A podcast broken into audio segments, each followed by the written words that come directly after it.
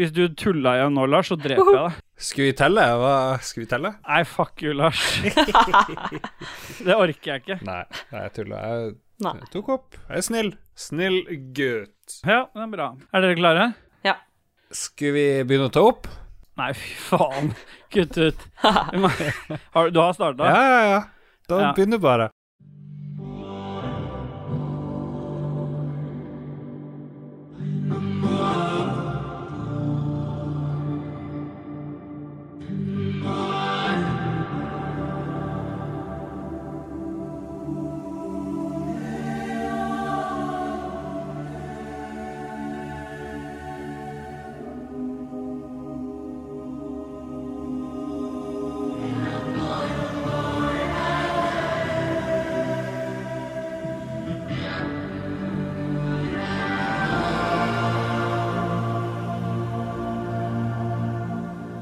Yeah, boy! Hjertelig velkommen til Ragequit Cooldown. Er det ikke det, Leroy? Cooldown. Cooldown. Ja, for du er litt sånn skeptisk på navnet. Nei, nå elsker jeg det. I'm loving it. Ja, for du var veldig skeptisk eh, sist du gjorde det. Og det sist du gjorde dette her, Leroy, for jeg gidder ikke å introdusere meg selv, jeg gidder ikke å introdusere deg, fordi vi er faste deltakere i Ragequit Cooldown. Cool Vi gjorde dette på sommeren i fjor. Vi gjorde det. Det var sommer, vi måtte kjøle oss ned, og Ja, jeg er ikke, jeg er ikke den jeg vanligvis er. Jeg er Mr. Cool, jeg er Mr. Leroy når jeg kommer hit. ja, det kan vi sette pris på. Ja. Yeah, boy. Og, men vi kan ikke bare være oss to, Leroy. No. We have a guest. Vi har alltid en gjest, og da må det balanseres ut på kompetanse. Vi driter i kjønn. Det er bare, vi må ha vik Viktigst for oss, det er kompetansen. Driter vi i Og da kjønn? har vi Nei, ikke det. Ja, det syns jeg vi gjør. Ja, ja vel. Det er ikke viktig at det er ikke, Kvinne er ikke viktig foran kompetanse. Jeg føler at eh, to ballhester er jo nok. Da er det bestandig bra med en kvinne, Det er kjempebra. Kjempefint, eh, Leroy. Vi har med oss ingen ringere enn The Hulder Saga. Vi har ikke noe godt Ragequid-navn på ennå, men jeg tror vi må beholde det. Og så skal du få lov til å prate snart. Jeg skal bare prate ferdig, Hulder Saga. Hva heter du for noe mer? Vær så god. Jeg heter Inger Eline Ribe Rudihagen. Oi, er navn. Søk henne opp. Ja. Legg henne til som Yes. venn, men Yes. ikke si noe slemt. Nei. Nei. Nei. Eh, Hvem er du? Nei, vent litt nå, Lars. Vi Ja, ja, jeg er. tar det med ro. Ja. Ja. Kjempebra. Ja, men så fint. Eh, jeg, Ja. ja. jeg er fra Kristiansand. Jeg Ja. Kristiansand. Uh, woho! Ja, bor, bor i Dyreparken. Men Er det en vanlig by vits å ta? For jeg har aldri hørt det der. Jeg bor i Dyreparken. Er det liksom noe man sier? eh, Oi, det vet jeg egentlig ikke. Jeg møter ikke så mange andre kristiansandere som introduserer Eller sånn, ja. Da sier de akkurat Nei. hvor de bor i Kristiansand, siden jeg er fra Kristiansand. Så det må du nesten spørre andre kristiansandere om. Men eh, ja, jeg, jeg visste egentlig ikke at jeg skulle introdusere meg selv. Men eh, Nei. ja, jeg tar Det sånn master i historie. Ja. Og jeg jobber som aktivitetskoordinator i Blå aktivitetspark, der jeg har ansvaret for eh, parkour og gamingavdeling. What?! Ja. Parkour og gaming? Nå dikter du opp Beste ting. kombinasjonen. Nei, men det er fordi du ikke hører på spelldåsene. Nei? Hun er jo Huldersaga er jo Jeg sier bruker Huldersaga, for det er Ja. jeg vant til å bruke. Og er jo en lytter som kom til vårt community gjennom spelldåsene. Vi møtte henne på et liveshow vi hadde sammen med spelldåsene. Der var hun idekket masse blod, Ja. og da var det jo gjort, da. Du vet, alle vet jo godt eh, hvor mye Dajis elsker å ofre ting, så når han ser blod, så er det vennskap med en gang. Selv om han ikke var der, til og med. Nei. Jeg beklager at ikke jeg er Dajis eller Christian, for det er jo det som er spilledåsene-crew. Jeg er jo bare sånn Ja, du må ikke beklage det, Leroy. Jeg gjør det. Jeg er beklager. Jeg tar stor kritikk med en gang. Ja. Men som sikkert mange har hørt, da, så går det litt sånn svakt i bakgrunnen eh, en eh, fantastisk kjenningsmelodi som vi alle kjenner til. Og det er jo fordi at eh, vi er ikke samla her for å prate piss. Vi skal prate litt piss til, men vi må bare anerkjenne den melodien som går i bakgrunnen, og det er selvfølgelig intromusikken til Anthem. Skal jeg synge litt, så fordi jeg vet kan den Eh, utenat? Nei. Kan den utenat. La, la, la du, du, du, du, du, du, ba, ba, ba, ba, ba. La, la, la du, du, du, du. Jeg kan bare synge ett spor om gangen. Så det blir litt sånn, Hvis du setter sammen Hvis du klipper det sammen og legger det oppå hverandre, så blir det akkurat sånn. Neste spor nå. Nå var det ett spor. Spor to. Ja. Og så legger du over det. Heo, heo. Anthem å gjøre. we want to home. Nei, nei, nei, nei. Nei. Er det ikke sånn det er? vekk. Ja. Jeg trodde du faktisk skulle prøve å synge på den Anthem-sangen, da. Det der, Ja, ja, den derre round-greia, eller hva man, hvordan man skal prøve å herme etter det i den introen. Det hadde vært kult. Det var det Lars prøvde på, men det Ja, okay. gikk ikke så bra. Nei, Nei. Så greit. Ja, det er kjempebra. Men åssen er det med dere? Vi kan jo prate li vi, vi har litt tid til å prate. Lars, eh, eller Leroy, han har litt dårlig Hello. tid. Han må hjelpe sin mor, som egentlig han trodde var død. Ref. Lolbo-episode. Men hun er ikke død, hun er er i live. Nei. Hun bare suger all kreften ut av uh, Det var eh, godt du la til kraft etter det. Hun suger all strøm ut av uh, fjernkontrollene sine. Noe suges, og du skal hjelpe henne. Ja, og det, det lades ikke opp, Nei. så jeg må hjelpe henne å lade opp. Jeg må lade opp på mamma og hennes ting. Ja. For å si det sånn. Ja, en sier det. Fint. Ja. Nei, men det høres jo bra ut, uh, det, Leroy. Men, Men det en ting jeg har tenkt på hele tida. Er det lov å Ja, alt er bra, men Ja, vi har med oss Inger Eline. Og ja Huldersaga. Ja. Og Yes. Jeg, en av mine ekser heter Inger Emilie. Og Oi. her har vi Inger Eline. Og det ligner, ligner en del. Gjør det. Må bare slå det fast med en gang. Så hvis jeg begynner å blande her, så betyr det bare nummer én at eh, kanskje vi begynner å bli veldig godt kjent. Ja. Eh, Det er nummer én. Og nummer to at jeg bare blander. Ja. Så ja, kan være en av de to. Jeg Hulder Saga Ja, med en gang. Forrige gang vi hadde gjest i Cooldown, som var Katrine, på Skyrim-episoden, så endte jo Lars og Katrine opp å spille et uh, voldtektssimulatorspill på slutten her. Jeg vil protestere, det var ikke et voldtektssimulator. Var Du drev og befølte en kvinne som sov, men Nei. uh, Ja, What?! Det var tydeligvis greit i den verden det var der, hennes, det var hennes og hennes spill, det er bare så det er sagt, for record. Det var hun som foreslo Hva var det det het for noe igjen? Jeg husker ikke, men det var noe helt forferdelig greier. Ja, det, det var det. Og så var hun som henta det opp, så det var et, et spill i nettleseren. Orgasm skulle- Simulator. Orga, eller orgasm. Girl, var det? Orgasm Girl, ja. Ja.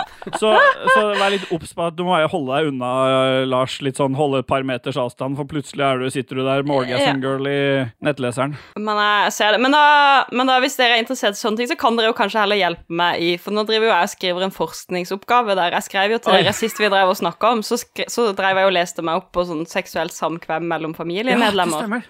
Ja. Um, ja, det var det. Ja, ja, ja. Så leser mye om voldtekt og blodskam og en del, eh, en del sånne ting. Spennende ting. Hvor, hvor langt har du spurt? Du er jo historiker, høres det ut som. Eh, ut Sjekke ut familiesex. Hvor langt tilbake går det? Kan vi spore det tilbake til Bibelen, f.eks.? Oi, eh, det, altså nå driver jeg og eh, forsker på på det på 1600-tallet, fordi at da fikk ja. vi jo en mye strengere lovgivning rundt disse tingene. Så det er egentlig hovedsakelig det jeg ser på det, og det ble, det ble jo kalt blodskam, Ja. som jeg syns jeg på en måte Vi har snakka om det, det har egentlig vært et fett navn på et black metal-band, men det, det var Blodskam, da ja. ja. Ja, ja. Men eh, det var noe du da ble henretta for, da, på 1600-tallet. ja. Mm. Jeg kom på et annet bra black metal-navn her tidligere. Det var Sædbank. Det tror jeg hadde ja, kjempefint. det. Ja. Vi har dusa oss inn i Rage Quit Cooldown, uh, Anthem spesial. Uh, takk for ditt bidrag der, Leroy. Vær så god, vær så god. tatt- Vær så Vi har jo tatt uh, i mitt fantastiske sendeskjema for episoden noe som er en oppgradering fra forrige cooldown, for da var det ikke noe sendeskjema. Nå er det det. Der står det introduksjon. Hvem er vi? Og det er jo Leroy. Du er fra Lolbua, og jeg er fra Ragequit. Og hvis ikke noen visste det, så skjønner jeg ikke hvorfor dere er her å høre på. Men det er Huldersaga altså, som er den spennende å høre mer om. Det finnes så mange podkaster der man går litt sånn inn i spillene, mer eller mindre dypt. Jeg føler at Ragequit Kulda er kanskje den beste av alle de. Ja. Enig. Fordi vi velger vår egen innfallsvinkel. Og eh, det er ikke så mye musikk å spille fra Anthem. Jeg kan ikke love at den er, all musikken er med, men vi prøver. Så hvis det kommer musikk nå straks, så er det fra Anthem. Hvis ikke det kommer, så går vi rett videre på det første bolk vi skal ha i denne fantastiske Anthem spesial. Og det er selve historien, eller lauren, i Anthem-spillet.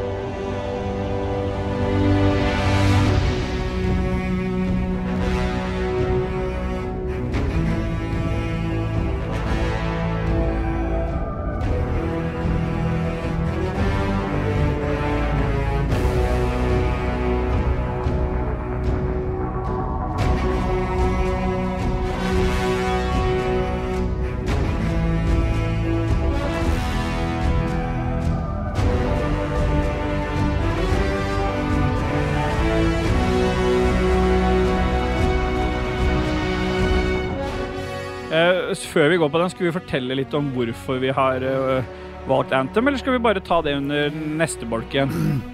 Vi, jeg vet ikke. Vi driter i det. Vi, Vi vi, begynner det. med historien. Vi. Det Ja. er, folk er ikke her, her for å høre om våre personlyder Er de Nei. det? Nei, de er ikke her for å høre fra oss. Nei. Det skulle tatt seg ut om noen kom hit for å høre på oss. Ja, ja. Kom igjen. Og, og ja, det har jeg glemt å si. Jeg, jeg kaster jo selvfølgelig alle gjestene vi har under bussen, så hvem fikk ansvaret for å fortelle historien i Anthem-spillet? Jo, det er hun som har flest timer av oss alle i det fantastiske Anthem. Yeah. Et, uh, du, kanskje, jeg, jeg skal ikke si så mye om spillet, for det kan kanskje du si mer om. ja. Og så er jo, også er jo vår gjest eh, historiker, så jeg vil bare tenke Det her er jo, det er jo perfekt. Det her blir bra. Det blir bra. Det perfekt. Ja. Jeg blir veldig opphengt i det. Jeg beklager det, men det er Du vet sånn Ja, det- semi-lavt utdanna. Jeg blir med en gang litt sånn starstruck når eh, vi får Ja. folk som har mer enn eh, to, En sier det. to, to grunnfag. Jeg vet ikke helt hva det heter i dag. Ja. får- Så ikke starstruck i meg, i hvert fall. ja. Skal vi ha en litt musikk før uh, Nei, vi har jo spilt den. Vi spilte jo den nå inn fram til Gjorde hit. vi det? Å ja. Ja, Jeg tenkte, Spilte du den derre ding, ding, ding, ding, ding, ding, ding, ding, ding, ding, ding, ding, ding, boop, bing, bing, bing, bing, bing, bing. Bing, Ja. bing, bing, bing. Den spilte jeg. Det med Queen Under Pressure. Nei, det er Anthem. Eller den Vanilla Ice Ice Baby, som er helt lik. Ja, Hvem er det du vil ha, da? Så skal dere få den Begge sammen. Faen, er mas. Kan vi ikke det? Begge. Ja. Ja, De er oppå hverandre, for Ja. jeg hører den samme den din, din, din, din, din, din. Og så hvis du da spiller den Ice Ice Baby episoden og Under Pressure uke, i hvert fall. If you got a problem, yo, I'll solve it.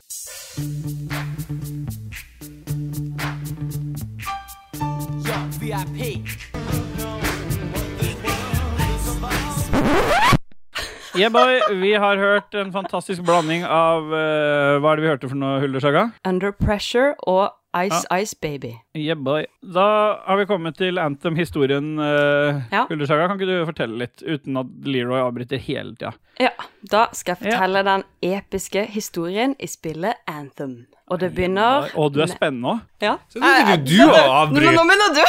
ja. Ståle, hysj. Ja, greit. Det begynner med The Anthem of Creation, en mektig og mystisk kraft som gudene kalt The Shapers brukte for å skape verden. Men Anthem er en ukontrollerbar kraft, og gudene forlot verden før de var ferdig med den.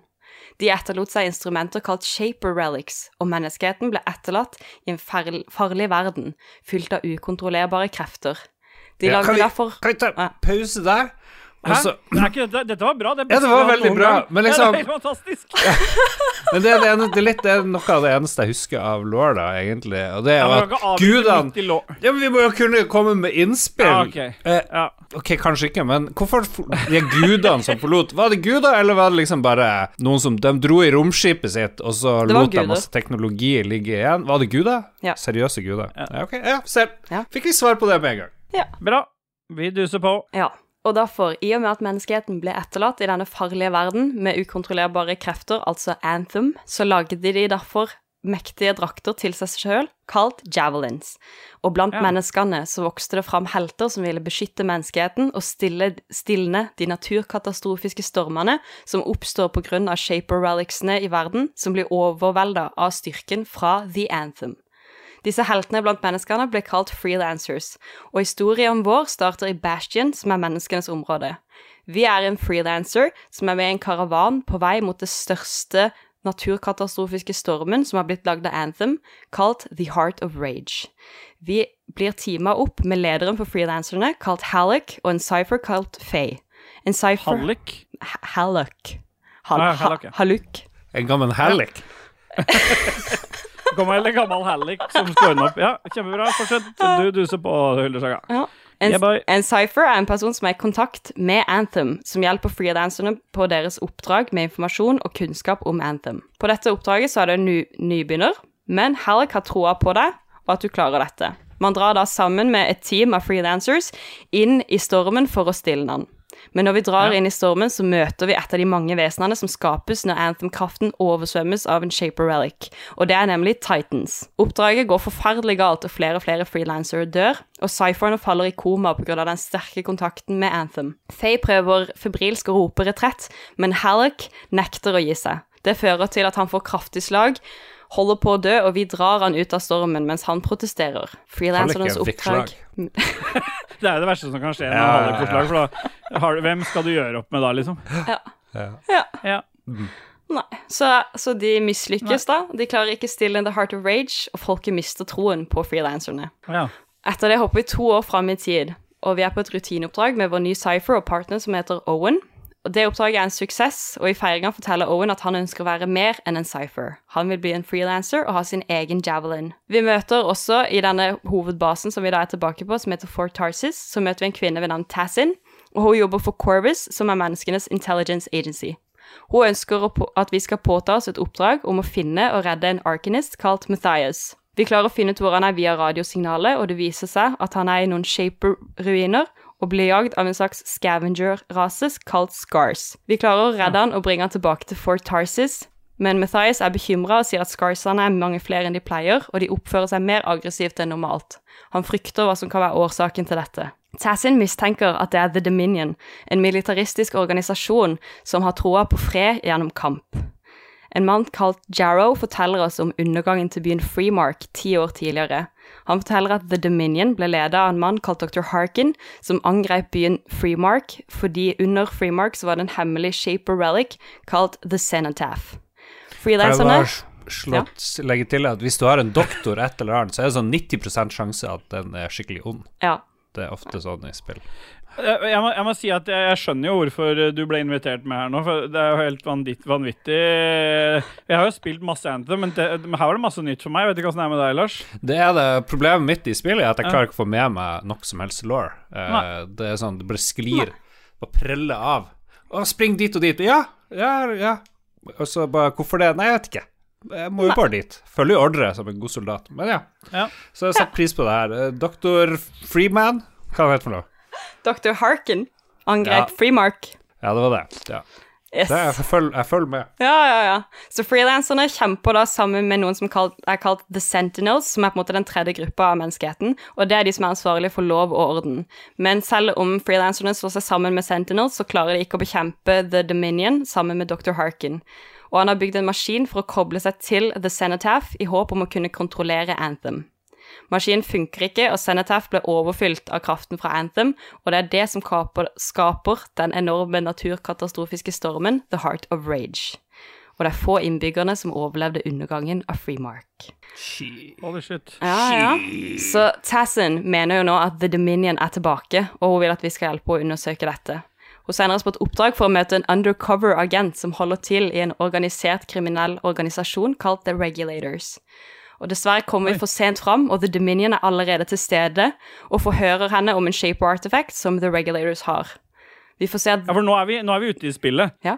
ja. Ja, ja, ja. Ja. Det, du er, for vi har nå Vi har både law før spillet her, og så når du gikk to år, da er vi i spillet. Det er viktig å presisere. Ja, altså du er i spillet Ja. hele tida. Du spiller jo Eller sånn, du spiller det første missionet òg, men det er jo ganske kort. Ja. Og så kommer du jeg glemte bare å si to år når vi senere. begynte i spillet. Det var litt sånn kritikk der. Ja, ok, ja, det er sant. Ja, Beklager. Men, men, Ja.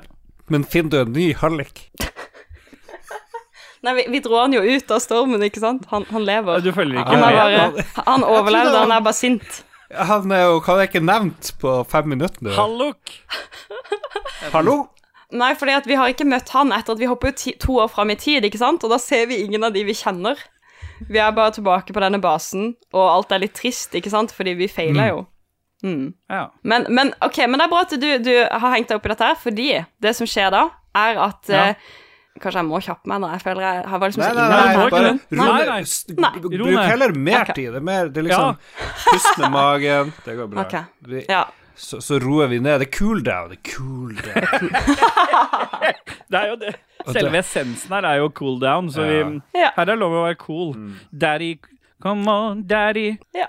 Cool Nei. Å ja, Det sorry. er ja. Jeg, jeg ville ikke at du skulle kalle meg daddy. Det hørte, hadde vært litt gærent. Men det var ikke Ja, det det jeg mente. det Det var at du skulle synge. Nei. Ja, det var det jeg mente. Ja. Det er ikke Ja. Som sitter her. Nei. Ice, Nei. ice Men Nei, ja, vi kan ikke ha den synginga, for vi er midt i en law her. ja, jeg, jeg har egentlig glemt å si også Jeg, jeg setter pris på at altså, som du sa, at det har ikke noe å si med kjønn, men jeg føler at det er bra at jeg skarrer, i alle fall, sånn at en tredjedel av Ragequit-episoden fortsatt skarrer. Det føler jeg er et viktig bidrag. Jeg, Ja, jeg er helt enig. Veldig bra poeng. Ja. Det er med. Ja. Det er faktisk litt høyere lyd på akkurat det. Ja, så fint. Mm. Men ok, ja, så da er vi jo dette vi driver og leter etter denne undercover-agenten, ikke sant? Og så finner vi ut at The Ja. Dominion kom dit før oss, og vi ser at The Dominion har fått en ny leder, og han blir kalt The Monitor. Jeg får lyst til å ta opp saven min igjen nå. Det er så lenge siden jeg har spilt Anthem. Det kalles Og- The Monitor. Og så Ja. har vi The Keyboard. Er det òg en kar? Ja, og The Mouse. Ja. ja. Ja, det er liksom What? hans sin uh, Det er liksom de han trener opp, da. Mm, mm. Ja, og han var, han var med Dr. Harkin dagen da The Heart of Rage starter, og vi ser at han forhører jo denne undercover-agenten, og The Dominion finner denne Shape Relicen og dreper agenten. Vi klarer ikke redde henne, men vi må kjempe oss tilbake gjennom mange fra The Dominion, og for å fortelle, fortelle Tassin hva vi lærte og hva vi så, og Tassin analyserer dataen fra agenten, og finner ut Ja. at The Monitor ønsker å koble seg til The Cenotaph med denne maskinen, sånn som Dr. Harkin prøvde, men han har klart å perfeksjonere maskinen. Så Tassin ber oss hjelpe, men vi er nølende og føler at oppdraget er for stort. Og da ber Tassin oss om å ta kontakt med to andre som har fortsatt å undersøke Heart of Rage i disse årene, og det er nemlig vårt gamle team, Hallock og Faye. Halleck is back! Oh, yeah, boy. Ah, Ja, shit. ja, ja. Så, men det blir en kjølig gjenforening, for Halleck er fortsatt sur for at vi dro han ut av Heart of Rage, og vi forsvant etter dette oppdraget.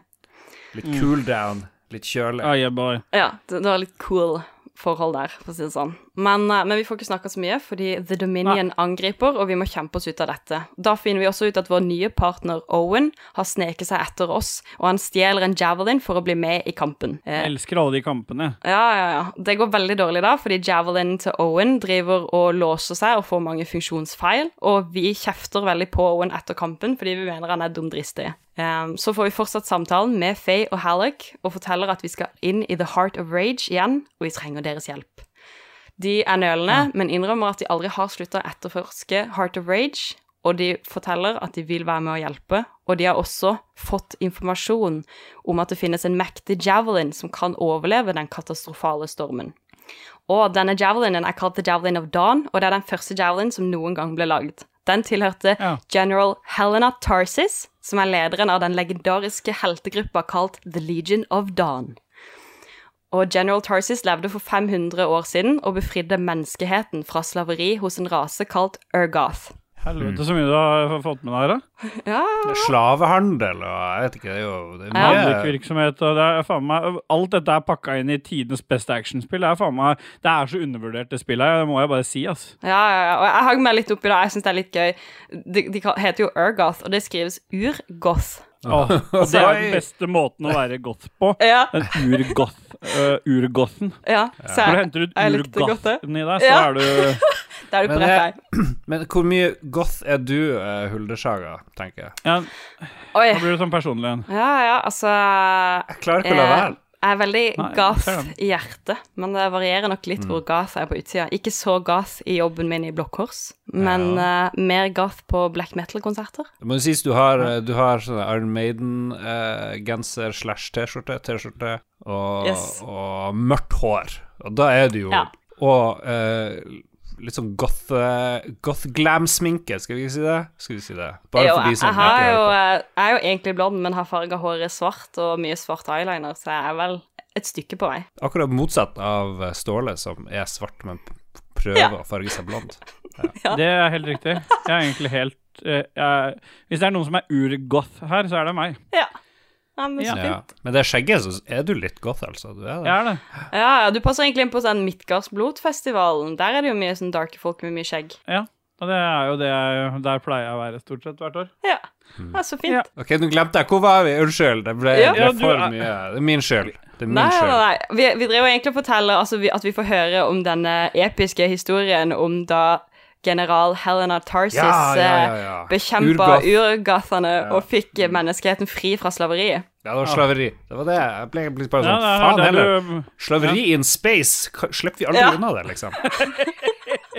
Nei, det er mer av det der, for det der er så vanskelig å kontrollere. Ja. Jeg syns det er litt deilig. der Jeg føler ofte sånn Gotere blir jo litt sånn sett ned på, eller sånn, men det er jo litt deilig hvis goterne hadde tatt hele menneskeheten som slaver, da. Hmm. Sånn sett. Så. Men Ja, vi får bare håpe. Krysse fingrene. yes. Ja, de sier det. Ok, men så ender det opp med at hun eh, At eh, disse Urgothene fortsetter jo å prøve å ta tilbake menneskeheten, og til slutt da så ofrer eh, Helena Tarsis livet sitt for å beskytte menneskehetens opprinnelige hovedstad Anthium i et siste hevnangrep fra urgothene. Urgothene, men kanskje jeg må ikke begynne å kalle Jeg, dem jeg, håper du, jeg håper du har fått med nok story til at du, du spoiler spillet nå, ikke sant? Ja, hele. Ja, kjempebra. Ja, så fint. Ja, ja. Og da finner vi ut at, ja, så da, når vi går gjennom dette oppdraget, som vi skal jo da finne denne The Javelin of Dawn, og Owen ønsker å være med på dette oppdraget og være Cypher, men Faye er den som har all informasjonen og er jo en bedre etablert Cypher, og vi velger derfor å ha med henne på oppdraget, noe Owen blir veldig frustrert over. Ja, det husker jeg faktisk. Det plaga meg òg, for det var, ga ikke helt mening. Men jeg, altså, det, lå jo en, det, lå, det lå jo noe i det, at han på en måte ikke var, like, var helt der han skulle være. Men det lå også i kortet at det var et dumt valg, da. Ja, ja men jeg er helt enig i det. det er, ja, så vi får Jeg se åssen det utspiller seg senere i spillet òg. Sorry. Ja, men ok, så da begynner vi jo dette oppdraget for å finne den Javelin of Dawn, og da må vi gå gjennom flere trials for å komme til graven til General Tarsis for å prøve å finne drakta si. Men ved grava så finner vi ut at drakta er ikke der, men han er i noe som heter Fortress of Dawn. Og så skal vi til å forlate graven, men da dukker det opp et hologram av The Monitor, der han forteller oss at han ønsker et samarbeid, og at hvis vi gir han The Javelin of Dawn, så vil han spare livene til menneskeheten. Men vi nekter å samarbeide, samtidig som vi finner ut at The Dominion har omringa grava, og vi må kjempe oss ut derfra og komme tilbake i sikkerhet. Oi. Nice. Ja. Ja, og når vi er det, her er helt det, er, eh, det her er det beste og lengste Ragequid noen gang har snakka om et spill. Det er jo, fortjener jo selvfølgelig Anthem det. Ja, ja, ja. Vi Altså, skal, kan komme mer inn på det etterpå, men, men eh, det er nok mange som blir overraska hvorfor av alle spill vi velger akkurat dette. Men, men så langt så håper jeg folk skjønner det. Fordi at um, mange har liksom slengt seg på den hypen om hvorfor Om alle de tinga som var dårlige med Anthem. Men Ja. det er jo det vi på en måte Derfor vi har samla oss her nå, for å motbevise den, den delen. Og det syns jeg du så langt gjør, gjør mye med. Da. Ja. Altså, dette er Ja. my, milevis over Destiny, eksempel. Jeg syns historien til Destiny er mye mer kjedelig, og den har holdt på i mye flere år enn det her. Dette er jo skikkelig bra. ja, ja, ja, er du, er du gal? Altså, jeg føler jo at virkelig, jeg håper jo at når folk hører denne Lauren, og hører vår kjærlighet og min kjærlighet som er lagt i å fortelle Ja. denne Lauren, og, for, og skjønner, at folk da skjønner hvor bra og spennende dette spillet Ja. faktisk er. Ja. Tusen takk. Tusen takk for at du, du er med og gir det liksom litt kredibilitet som historiker. Ja, ja. ja det er tilbake det er det. det som gir det kredibilitet. Med Ja. gud vet hvor mange grunnfag du har, liksom. Ja, ja. Nei. Ja, for det er grunnfag Grunnfag? som teller er alt hos deg. Ja. Første Lars spør om på date. Hvor mange grunnfag har du? ja. Ja. Nei, men, eh, men det, det er fint. Jeg, jeg tror det eneste andre grunnfaget jeg har, er nordisk språk og litteratur. Men jeg vet ikke om Ja. Så ja, dette er jo sånn Det er jo derfor du skjønner urgoth. Du kan jo lese urgoth, faktisk. Ja, jeg går Ja. på gotisk kurs nå, faktisk, men det, Jeg har faktisk eh, forberedt til etterpå, når vi er ferdig med historien, en, eh, en glyph translation, altså the secret language of anthem. Så det er jo også, apropos urgoth, å forstå språket. Ja.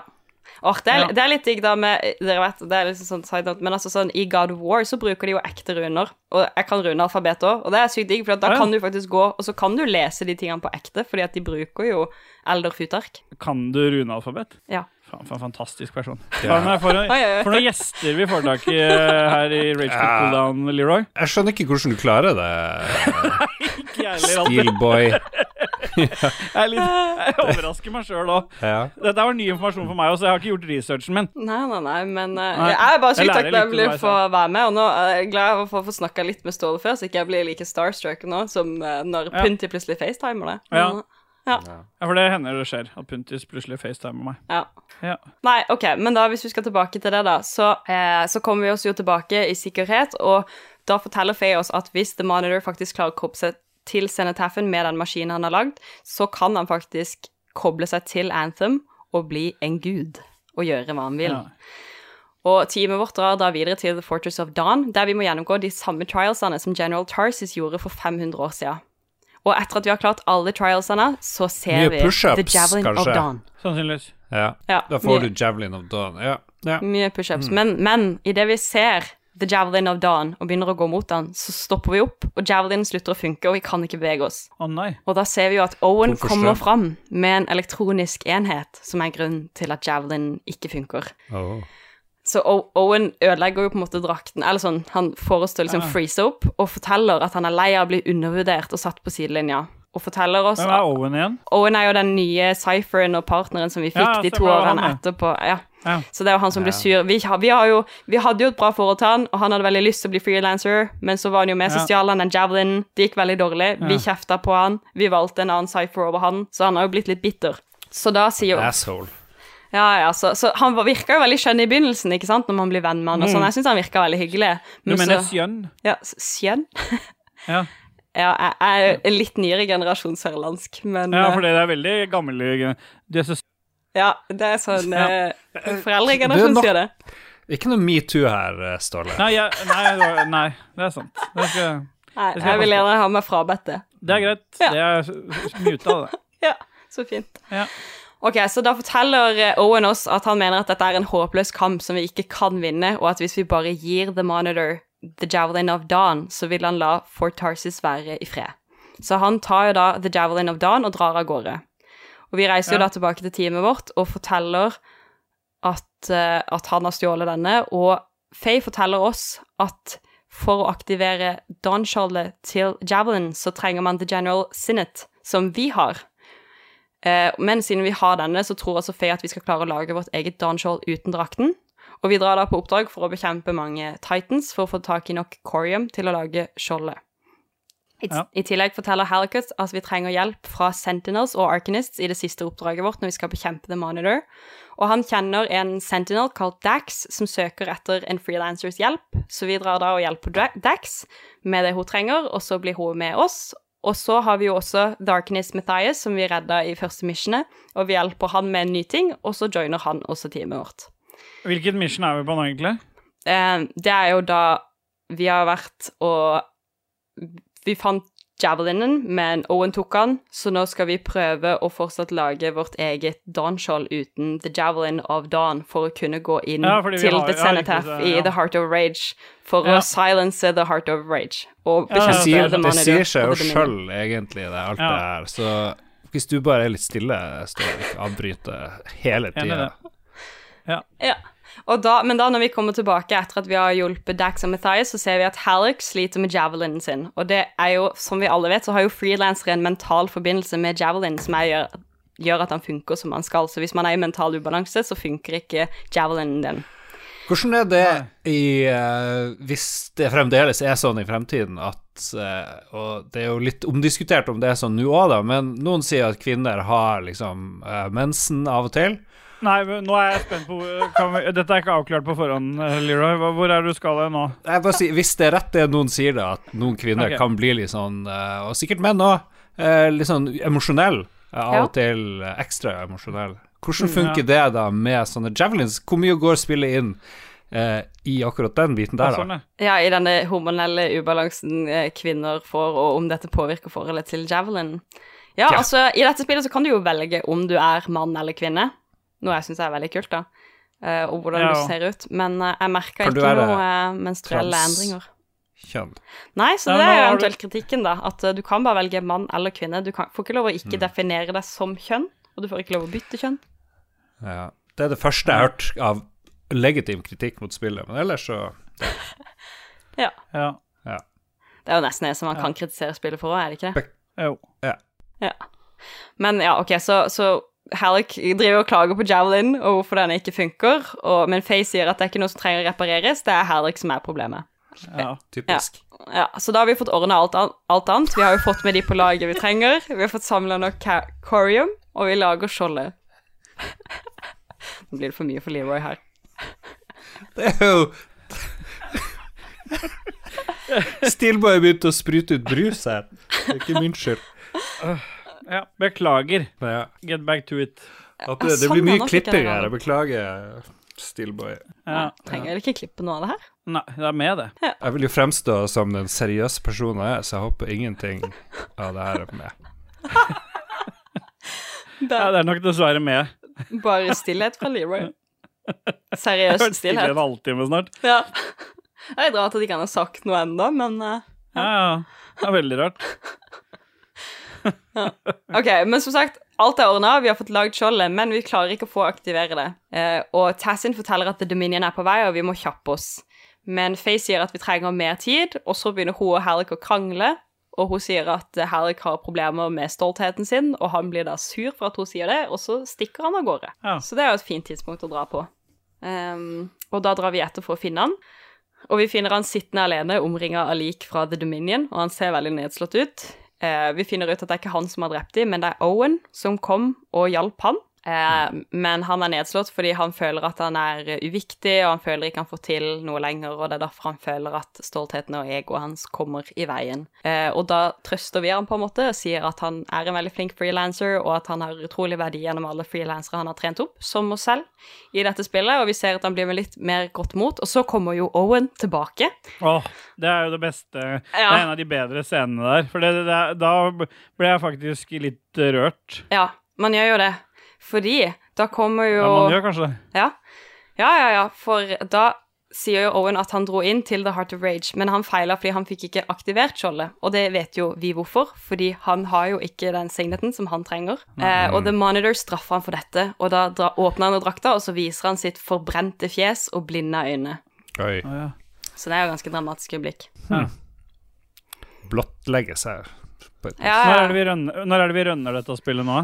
Det kommer snart, for da, da forteller han at The Monitor har stemmen fra The Anthem, og Owen forteller oss at han er helt gal, han har mista det, og han kommer ikke til å stoppe for noe i verden fra å få denne kraften som han søker.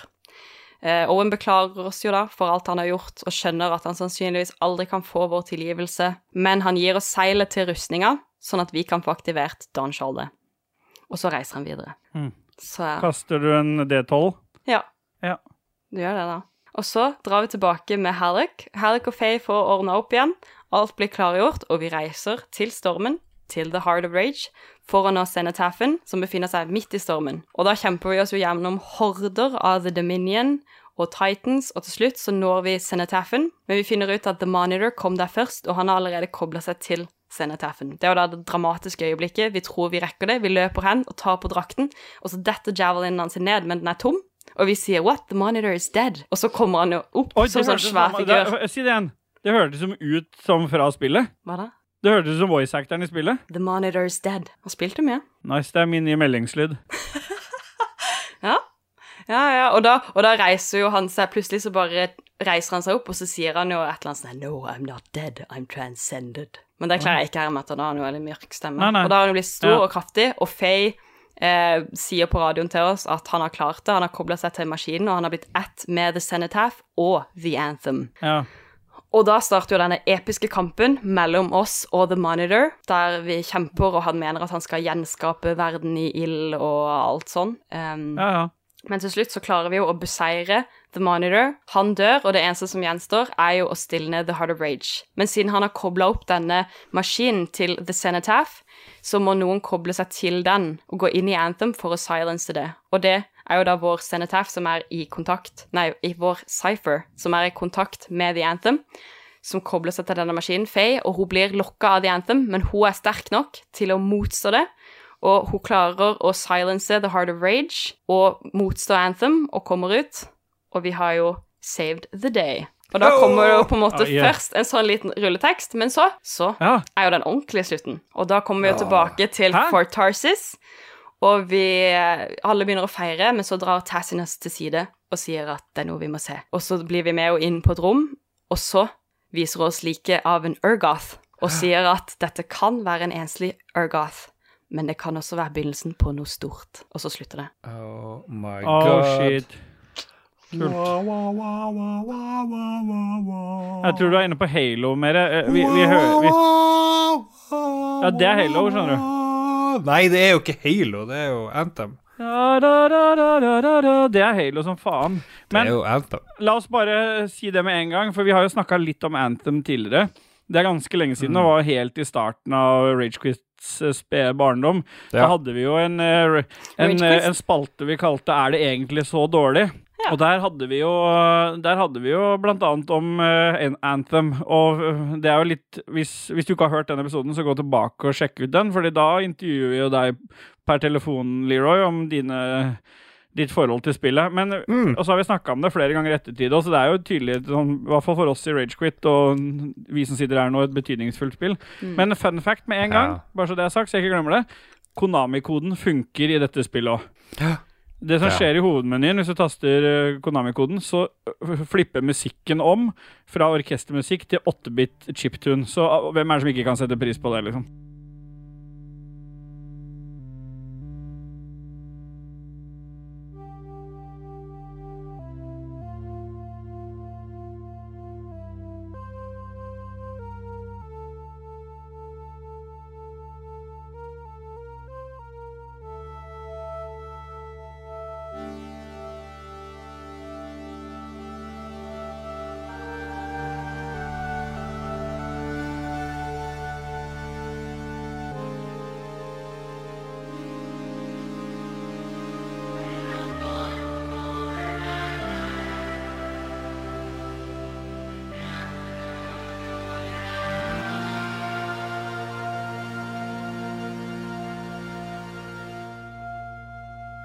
Fy søren. Det er bra. Utrolig bra. Ja. Mhm. Men eh, så det her var jo helt fantastisk, uh, Det, det har liksom klart å det, er- Dette er mer enn hva jeg husker, og mer enn hva jeg har fått med meg. Ja. Fordi den er ikke Vi skal jo ikke si, være så veldig kritiske, men vi må jo være på en måte litt eh, Vi må jo si det sånn at det, er jo Det beste med det spillet her, egentlig, det er jo selve gameplayet, og hvordan det flyter. Mm. Lave loadetider, altså alle de tingene som er bra her, da, ikke sant? Ja. Hvordan, ja. Ja, ja, og på en måte variasjonen i spillet og variasjonen i alle missionsene. At det er så forskjellig, Ja. og at det er så, så bra fullført story, da. At alt henger så sammen. Ja, men det var, det var det jeg skulle si. Det var den story-delen som jeg eh, ikke har fått med meg så mye av. Og det er litt sånn som jeg har hatt problemer med i Destiny òg. At uh, det er mest liksom grinden som betyr noe. Men her er det kanskje lettere enn i noen, annen, i noen annet sånn type spill å få med seg storyen. Fordi det var ganske tidlig så kom det jo den Dette har vi snakka også om Ragequit tidligere, dette med den bugen som uh, var ganske lenge i spillet, som gjorde at det aller første våpenet du får, Ja. det er jo det beste våpenet du får i spillet. Det, Ja. det scaler underveis, sånn at eh, jeg vet ikke om dere husker, husker det, det fra deres gjennomspilling, men jeg brukte jo bare det. ja. Mange sa liksom at betegna det som en negativ ting, mens jeg husker at jeg syns jo det utelukkende var positivt, rett og slett bare fordi at det da slipper du den der grinden etter nye våpen, fordi da kan du liksom bare bruke det ene, det grå første våpenet. Ja, ja. Det kan man Ja. sette pris på. Absolutt. Ja, man kan det. Jeg ser det. Ja. De, de, de patcha det vel kanskje ut, det der greia, da, dessverre. Ja, det er en stund siden jeg har spilt nå, men eh, ja. ja, det kan jo hende at de har gjort det. Så og det er jo veldig trist hvis ikke det Det ikke burde vært en option. Kanskje det er det òg. nå er det jo lenge siden Da blir det litt mer sånn singleplayer, ja. ja. Jeg spilte jo Noen sier at jeg spilte ca. 2000 timer i det spillet, og ja. til å ha spilt så mye, da så, så jo mer jeg spiller spill, jo mindre husker jeg, spesielt f.eks. av, eh, av law osv. For Ja. det, blir, det blir jo den enorme variasjonen i mission, som Huldersaga sier. Mm. Pass på den tingen der, eller pass på en annen ting. Pass på forandring. Ja, det er Jeg, fikk, så- jeg er litt dårlig i magen.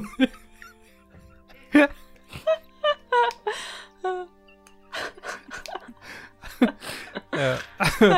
Jeg men- må bare beklage bare- til alle som ikke får med seg alt som skjer, men Huldersaga viste akkurat et bilde av en morsom, en morsom gif som hun holdt opp her. Jeg Ja. må bare beklage. Det- Sorry. Det jeg skulle si, det var at uh, det som har holdt meg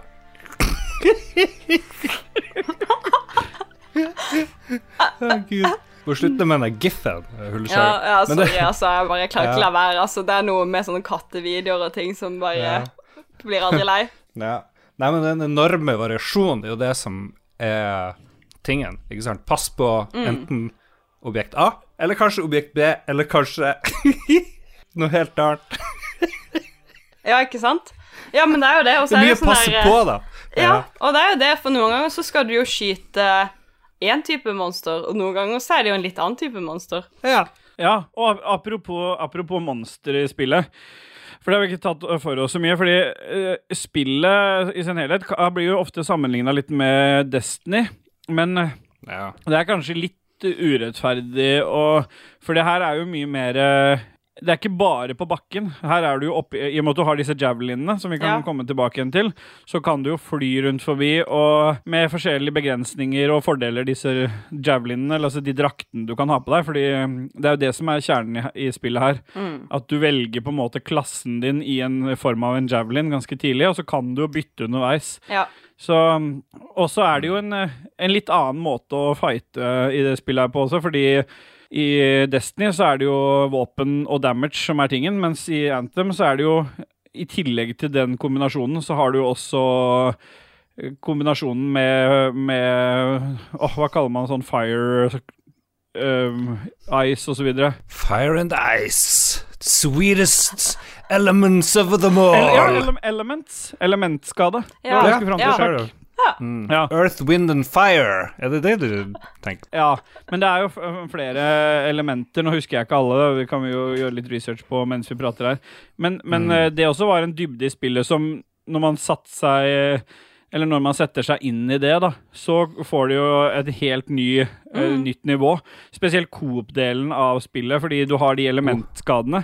Sånn at hvis du går med fire, og noen andre går med lightning, og du Mm. kan kombinere de, så gir du enda mer skade. Sånn at uh, det er mye mer samarbeidsavhengig spill, fordi du kan Mm. liksom du har, en, du, du har det som kalles i spillet en primer og en- detonator. da Så hvis den ene lagkameraten, eh, eller lagkvinnen, eh, primer Ja. med sine våpen, og så er de andre på detonator, så gjør du enda mer skade på finnene. Ja. Så de har jo noe strike-lignende ting. Jeg vet, jeg, Nå er det så lenge siden jeg har spilt, så jeg, jeg tror ikke det ble noen ordentlige raids, men det ble en god del sånne strikes som var sånn eh, fra start til slutt med en boss på slutten og masse loot og ja, ja, ja, Selv om det ikke ikke var så viktig med de våpnene. Nei da, men da er det jo sånn som du er inne på, hvis noen har de storm javelinsene, sånn at de har Ja. disse forskjellige elementene, så bringer jo det et helt nytt uh, aspekt inn i coop-delen av spillet, som er veldig bra. Ja. Vi snakka jo litt om å streame dette her eh, sammen i etterkant av den episoden, så vi ser litt hva vi får til. Men eh, det hadde vært kult å starte nesten helt fresh, da, altså så så se hva vi fikk til. Da finner vi ut om det der første våpenet er det beste fortsatt. Ja, ja, jeg er med på det. Det passer jo perfekt eh, for oss. Det gjør det. Det gjør det. nå har vi liksom samla Eh. alle vi som er så glad i Anthem, og virkelig kan sette pris på spillet, så det hadde Ja. vært veldig fint å spille det sammen nå. Men vet dere når spillet kom ut? For jeg har jo Nei. Gjort kom, sykt mye research. Du, Ja.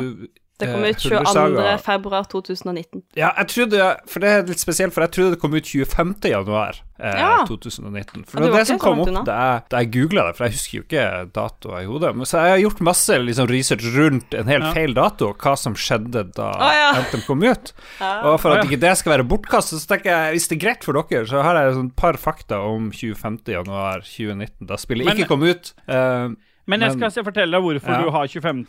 januar, den Ja. datoen. ja. Og det er en grunn til. Det var da du og jeg fikk eh, betakode til spillet.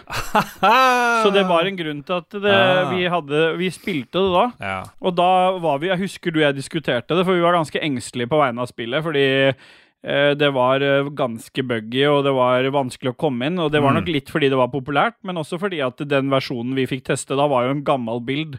Og med en gang Mm. det kom ut, så viste det seg ganske raskt at selv om det var litt sånn hiccups i starten, så var det et helt annet var et mye bedre spill som kom ut Ja. enn det vi spilte da. ja.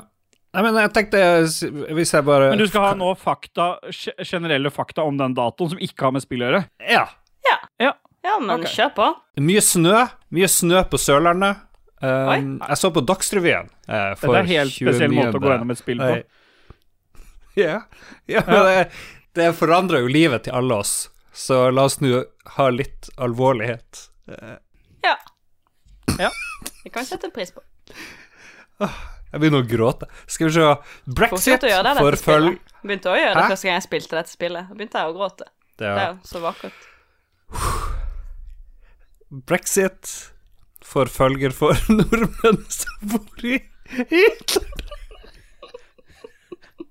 Hva skjer? Hva skjer, Lars? Jeg bare Plutselig så tenkte jeg på brexit, hvor trist det var. Ja. Men uh, brexit, var det Er det så langt tilbake? Syns jeg uh, Ja. Det er kanskje det ja, Det var jo pre-korona, så brexit fikk masse følgere for nordmenn som bodde i utlandet, og det er utrolig trist. Studenter Brexit fikk masse følgere. Og arbeidere Ja, Hvor mange følgere fikk brexit, egentlig? jeg vet ikke. Må spørre. Det må jo være alle som var for, da. Ja. Ja, jeg har tre fakta. Det er så jævlig vanskelig igjen, å få lov å kommer jo ikke gjennom de faktaene. Det er jo, vi må videre i programmet vårt. Ok, da dropper vi fakta. fra Nei. Nei, nå har du begynt på det, så nå får du fullføre det. Er Ok, det siste fakta? Det var uro i Venezuela, ok? Det var ganske trist. Ja, Jeg vet ikke helt hva det var for noe, men det var masse bråk. Og bråk i Venezuela den dagen. fy faen. Trist. Ja. Ja. Ja, takk for at du, du spicer opp en ellers ganske god episode med det greiene der, Men jeg må også si, Hvis jeg kan si Ja. en ting som jeg Ja. setter veldig pris på med Anthem, eh, er det at eh, Mm. em, de gjør det jo veldig annerledes med kjønnsroller enn de fleste spill. Fordi at Ah, ja. for det første så er jo på en måte begge de to heltene sånn sett i dette spillet, utenom deg sjøl, da, er jo damer. Ja. Og du kan jo velge om du er dame, men du har jo først to General Helena Tarsis, som er hun som Ja. befridde menneskeheten fra slaveri og alt dette for 500 år siden og hadde den første javelin.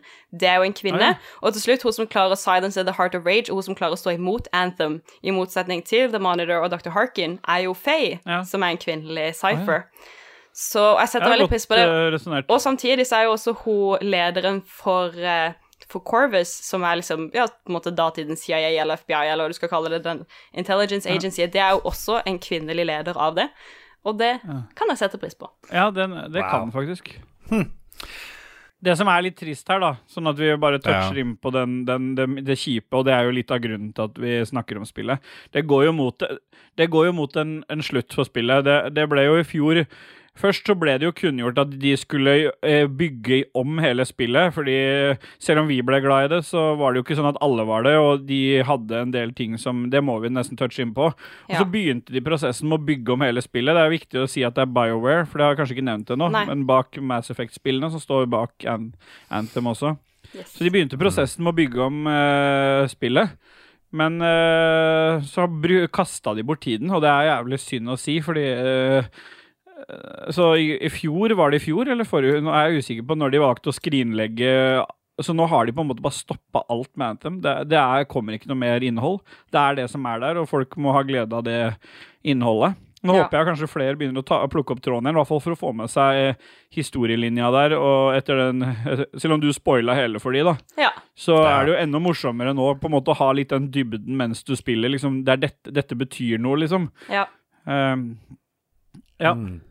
Vet dere hva, hva en anthem egentlig er for noe? ja, det sånn. ble jo sagt i stad, da. Nei, det Jo. er ja, ja, men sånn, sånn på Wikipedia. Å, ja. Bare Ja, for du er over der igjen, ja. jeg, på, jeg gjorde masse research. Uh, Bare søke, søkte Anthem. Ja.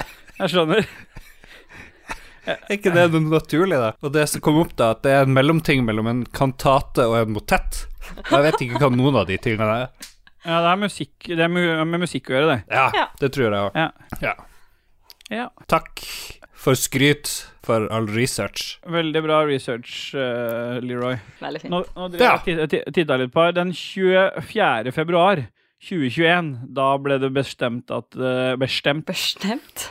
Det, er bestemt? Hmm. Nei, da ble det bestemt at Tysker, eh, som sa Anthem. Next, som det Ja. skulle hete, denne oppdateringa, ble skrin skrinlagt. Så det, det er nå så, godt over et år siden de skrinla alt med Anthem, så det er jo bare begrensa hvor lenge serverne lever. Ja. Ja, det er jo trist.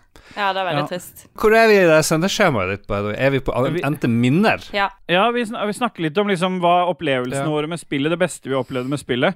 Uh, jeg kan eh, si at jeg husker Jeg forhåndsbestilte jo sånn en uh, Jeg jeg elsker jo å forhåndsbestille spill jeg gleder meg Ja. til, og det var et av de jeg forhåndsbestilte. Du bestiller jo gjerne fem av et spill eh, fysisk. Ja, det har gjort det med CO2-vis, i hvert fall. Ja. Der har jeg gjort det. Hvorfor gjør du det? Nei, det er jo for å kunne gi bort eh, eksem eksemplarer, da.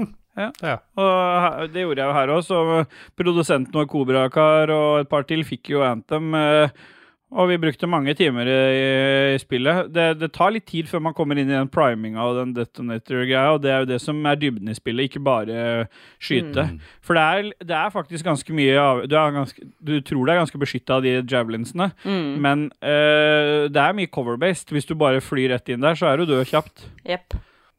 Uh, men uh, har vi snakka Før vi går på minner, eh, så vil jeg bare Ja. si du, Det er fire javelins i spillet som du kan velge mellom. Er det ikke det? Fire klasser? Jo. Husker du de, Lars? ja, den store. Er Colossus. Og så er det den litt sånn snikete, en litt sånn En sånn sniper-ting. Uh, Ja, Er det Storm du tenker, eller Rangeren? For Rangeren er jo den standarden, på en måte. Den, den, Ja. øh, på en måte. Hvis du tenker på Hvis du sammenligner det med, med Mario Bros 2 på Nes, Ja, der du kunne velge mellom prinsessa, Toad, Luigi og Mario, så er på en Ja. måte Rangeren det er Mario. Mm. Og Kolossusen, det er Toad. Storm Ja. er Luigi, og Interceptoren er prinsessa, da. Hvis man trenger en knagg å henge det på til det spillet. Ja. Kan du gjenta det, uh, Huldersaga? Ja. Den sammenligninga. Ja. Det er jo at uh, Ranger er eh, Mario, og Toad er Ja. Colossus, og den Rebellen er prinsessa. Ja. Ja, Ja. og den Interceptor er den Ja, mm. ja. stemmer. Det er riktig. Så bra. Du imponerer. Oh, Takk. Takk. Jeg vet ikke, Hadde dere noen favorittklasse, eller? Jeg likte veldig godt den eh, Storm, som du sier, sånn at man kunne bruke de forskjellige elementer og med sånn lightning og fire og sånne ting. Hvem da? Swarm? Storm. Storm, ja. Storm. Jeg begynte å lure om du sa en klasse jeg ikke hadde hørt om. her Ja. men nei, nei. Storm, ja. Men Storm er litt kul, fordi Storm-klassen er jo veldig Det er vel det som er eh, sniper-klassen, fordi den har mye lengre tid, eh, air-tid, så du kan hovre lenger og ligge lenger bak. Jeg også likte Mm. det veldig godt, at du kunne du kunne øh, du, du trengte ikke å være så oppi i øh, fighten, for Kolossusen er, har jo den desidert dårligst flytid, så der Ja. må du opp i fienden, og der er det shotgun og Yes. close combat-våpen som gjelder. Um, kult nok å spille som, men jeg også likte veldig godt Storm. Mm. Men uh, når det gjelder liksom Jeg er litt sånn utseendebasert fyr, selv om det ikke ser Ja. sånn ut IRL. Så er jeg litt sånn i spill, i hvert fall, at jeg syns Så jeg, av de Javelin-draktene, så er det Ranger jeg syns er kulest, Ja. personlig. Men det er jeg enig i sånn utseendemessig, så det, den er også hadde mye av spillet bare fordi den ser kul ut. Ja. Hva med deg, Dallas? Jeg likte Interceptor fordi det handler bare om å bevege seg raskt og gå inn og ut av kamp. ja, og det er jo ting du elsker i ditt privatliv òg. Raskt inn og ut. Raskt inn og ut, ja. ja. Trekk, jeg kaller det å trekke meg ut Ja. Ja. av situasjoner. Det Å trekke meg inn. Ja. Trekke deg inn i Og ut. situasjoner. Det var det med òg, ja. Så flott. Ja. Vi duser videre. Vi, nå kan vi kanskje gå til den delen som jeg har satt opp som har litt eh, med minner å gjøre. Jeg vet, eh, Leroy, du, du Ja. fjåser og ler litt nå. Det er litt sånn Nei. eh, Det er både jeg, det, Du det ville er ha meg frabedt. Ja, men jeg, det er jo helt greit. Men samtidig så vet jeg jo at eh, folk er jo usikre, fordi Ragequit er jo mye fjoss.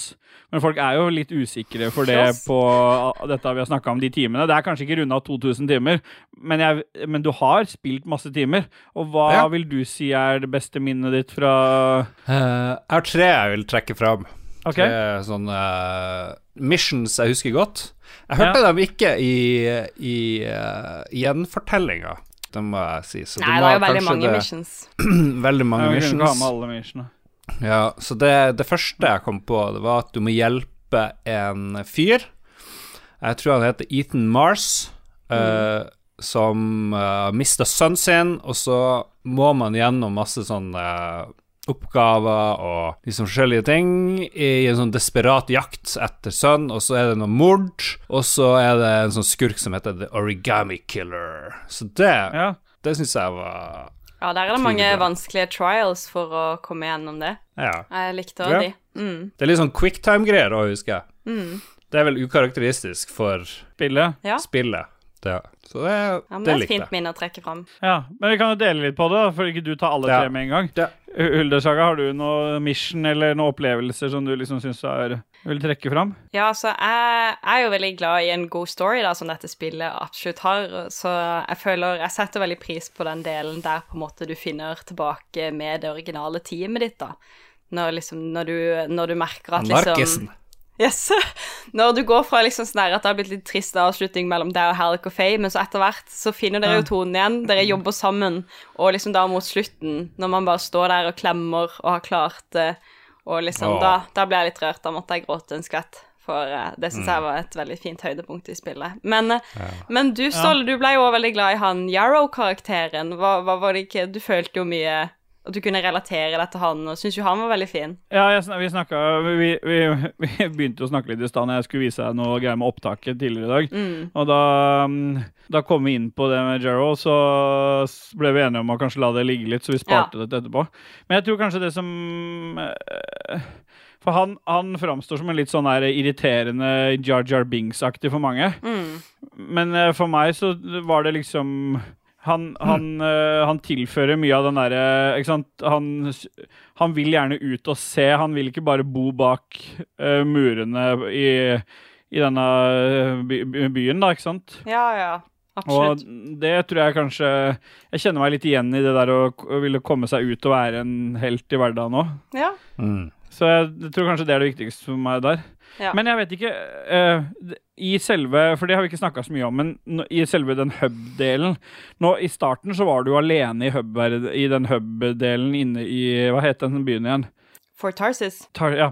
så, så var man jo for det meste alene. Og mange kritiserte jo at det at man gikk så treigt der, de speeda det opp litt, men det var jo litt av en sånn eh, historie, viktig historiedel, at man skulle gå Altså, det skulle være litt tregere, fordi man var ute i kamp og fløy. Altså, hvis spillet bare var fly rundt, løpe rundt hele tiden, så hadde du liksom mista mye av de historieelementene som eh, BioWare er så gode på, da. Det var litt sånn Mass Effect-aktig når du var inne i de inni den hovedhuben. Etter hvert så ble jo den huben sånn at du kunne Det var en tilleggshub der hvor du kunne være sammen med venner også, så ikke du bare var alene. Men eh, jeg husker liksom Etter hvert i spillet så åpna de jo for at eh, du kunne Altså, når du tok foto i eh, Altså, hva heter det for noe sånn foto i, ute i, i spillet, så kunne du ha de minnene i Tarsis der.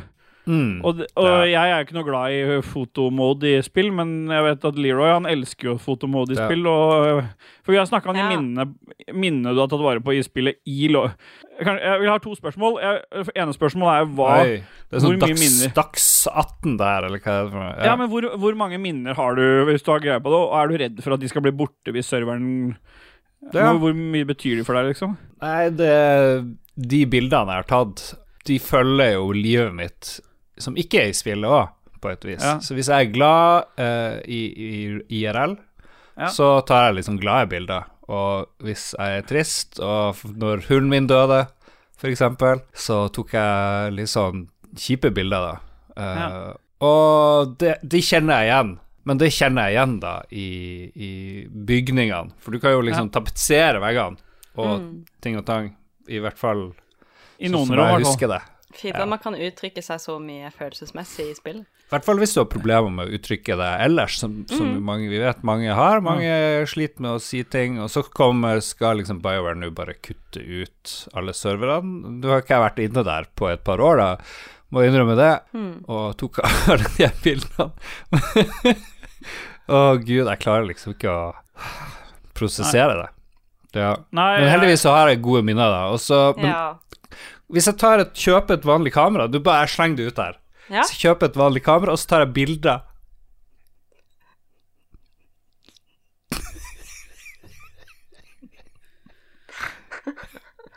Av meg sjøl, som ser på TV-en, og så får vi kanskje fange opp noe i øynene mine.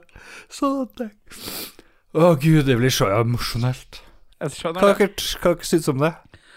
Det høres veldig flott ut. Mm. Det hørtes så bra ut, det, da. Takk. Du hadde flere minner fra, øh, fra Ja! øh, missions og historier fra spillet du vil dele? Masse gode missions. Uh, mission nummer to. Eh, Ja. Joel, en skjeggete survivor i uh, slags en post-pandemiverden. Han har mista Men hele universet her er jo det, så det er sånn, kanskje Ja. litt overkill å kalle det det, da. Ja, Ja. post, post et eller annet, ikke sant. Ja. Uh, og ja, han, eh, Joel hadde mista sin sans for moral og etikk eh, etter at han mista sin datter Ellie. Og eh, han eh, treffer en sånn ung dame som han hjelper gjennom eh, hele USA for å finne en kur på pandemien. Ja. Jeg tror du blander spillet her, øh, Leroy. Nei. Nei. Du blander det kanskje litt med altså for Noen deler av Bastian ligner jo veldig på USA, så jeg skjønner at Joel minner jo veldig om han, han fyren Ja. her som vi møter i, i spillet, som, som er veldig ute av seg, og han er jo veldig ute å kjøre. Du er veldig snill. eh. Føler at jeg kommer nærmere deg enn Ståle, på et vis. Eh, sakte, men sikkert her. Inger Eline. Det skal jo ikke så mye til, på en måte. Ja. Nei, Ståle er vel en veldig innelukka person. Ja. Jeg kan, kan jeg spare den siste tingen, og så kan jeg bare si at jeg tenker jo mye på Elon Musk for tida, og så tok jeg og googla Elon Musk og Anthem Ja, er for å se om det er noe connection. Ja. Og ja da, mensan! Eh, Ja. Fordi sangen eh, til kjæresten, eller eksen, eller hva nå er, til han eh, Elon Musk Ja. eh, Hun har en hun Grimes og en sang som heter Player of Games. Og hvis oh, du er googler Elon Musk, så kommer det opp uh, Player of Games, The Breakup Anthem of Elon Musk. Oi, oi, oi. And, ja, og så har jeg funnet, og det leste jeg i New Zealand Herald, selvfølgelig, som jeg leser mye av. Ja. og teksten som eh, liksom fikk det her til å, å bakgrunn for historien, er Baby, how can I compare to the ad adventure out there? Sail Ja. away to the cold expanse of space. Even love couldn't keep you in your place. But can't you love me like that? Can't you need me like that? If I loved him any less, I'd make him stay. But he has to be the best høres ut player som en eh, of er vi- dette, dette begynner å ligne på en Joe Rogan-episode, der vi er på syre når du begynner å gjengi de tekstene der, eh, Leroy. Men Ja, det men det er handler jo om eh, space, og det handler om Hæ? Ja, og det er jo syre. Er jo, apropos syre, så er jo det en del i Anthem. Um, fordi at uh, du, du slåss jo med en Ja. del uh, monstre som plutselig spruter syre på deg hvis de eksploderer. Ja, Så alt henger sammen. Ja, ja, så da plutselig så er du dekka i acid, og så flyr du rundt og mister ja, liv. Det er jo Ja. kjipt. Ja. Det, det er litt sånn emosjonelt det her å møte noen som eh, ikke bare har masse grunnfag, men også er så er support. grunnfag. Hun hadde to grunnfag, var det ikke det vi fant Jo. ut? Men ja. uh, Men to er mer enn én, og det blir masse i Leroy sin verden. Men jeg lurer på eh, Har dere noe mer Jeg har, jeg har jo, jeg har jo I motsetning til forrige gang For da var jo Rage Quit Cooldown en overraskelse. Denne gangen så er det ikke fullt så overraskende. Fordi vi har, jeg har stilt Mm. noen Jeg har stilt lytterne både Du har stilt i Lolbua-feeden, og jeg har i Rage Ja. Og vi har fått noen lyttebidrag. Ikke alle handler om Anthem. Kanskje ikke Nei. så mange som jeg ville trodd, men vi svarer på de allikevel. Og så Kanskje vi kan relatere de til Anthem. det kan hende. Uh, Ja. Hvis ikke dere har noe mer om Anthem, da, så er vi liksom oppe i en time allerede. Så kanskje vi skal begynne på lytterspalten. ja. Ja, jeg, har sendt, jeg hadde jo egentlig en avtale her, men jeg har Ja. bare sagt at uh, her, må, her må folk klare seg sjøl, Ja. egentlig, for det, det her er for viktig. Men, Det- uh, men det er jo et fint uh, Det er jo en fin moral som Ragequit kan støtte, vel, at alle må klare seg selv. Det steller vi oss bak 110 Én for alle, alle for én. Det er riktig. Ja, men da, da går vi rett over til lytterspalten. Jeg har forresten en siste Nei. historie. Kjempefint. Da kjører vi den. Eh, Arthur Morgan må kjempe mot Nei. agent Vi hører uh, lytterspaltejinglen vi nå, tenker jeg. Og Hæ? så Ja, for vi har jingle med. Den, bare, den kommer nå.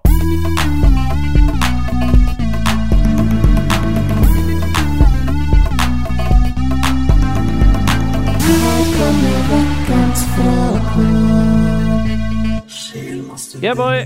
Vi eh, duser oss inn. Selvfølgelig fikk ikke dere jingeren, for KK er ikke her, og da gidder ikke jeg å spille de live, så da Nei. legges de på i ettertid, bare sånn så dere ikke Mm. blir veldig overraska over det. Vi Jeg syns egentlig eh, at Lars masse- kunne sunget den, men, eh, men uh... Ja, kanskje Lars synger den, da. Da prøver vi en gang til. Kom igjen. Zabatapa, zabatap.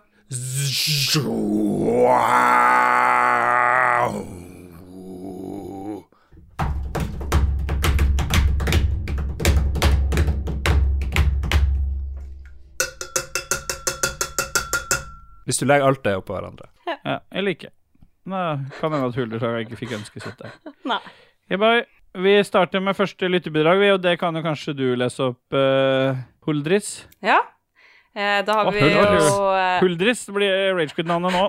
Det er. Huldris. Hvis jeg skal være Leroy, skal ikke hun være Huldris. Hvorfor kan ikke hun være Huldris? For det Fordi det, Nå er jo ikke Dajis her, og han bestemmer jo vanligvis kallenavn.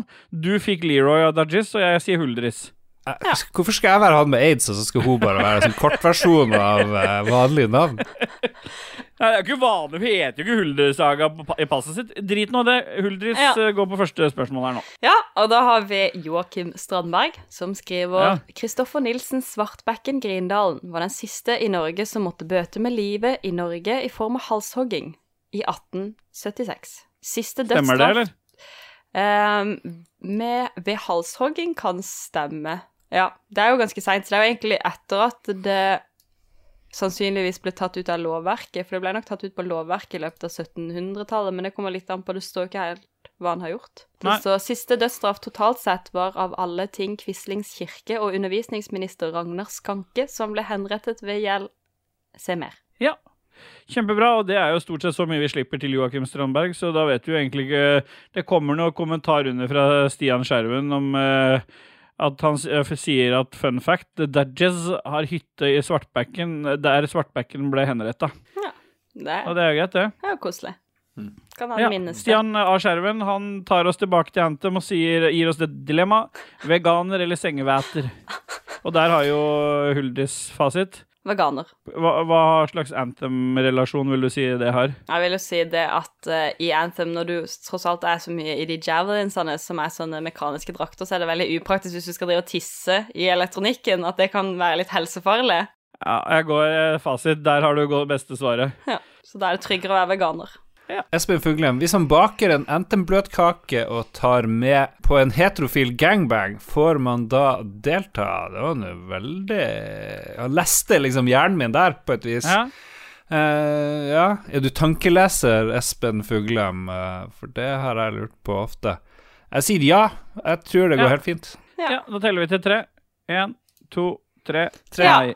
Da ble det nei. Helen Elisabeth Mosvold Pedersen, er det en du kjenner, eh, Huldris? Nei, nei. Jo, det er min storesøster. Eh, Det stemmer. Ah, der ser du. Qui-Gon Jinn, eller eh, aka Qui-Gon Nei, Qui-Gon Patronum, aka Erlend Elias. Eh, Det er mange kallenavn har- blir det etter hvert. Ja, ja. hører at gjesten synger 'Safe and Sound' av Taylor Swift mens Rage.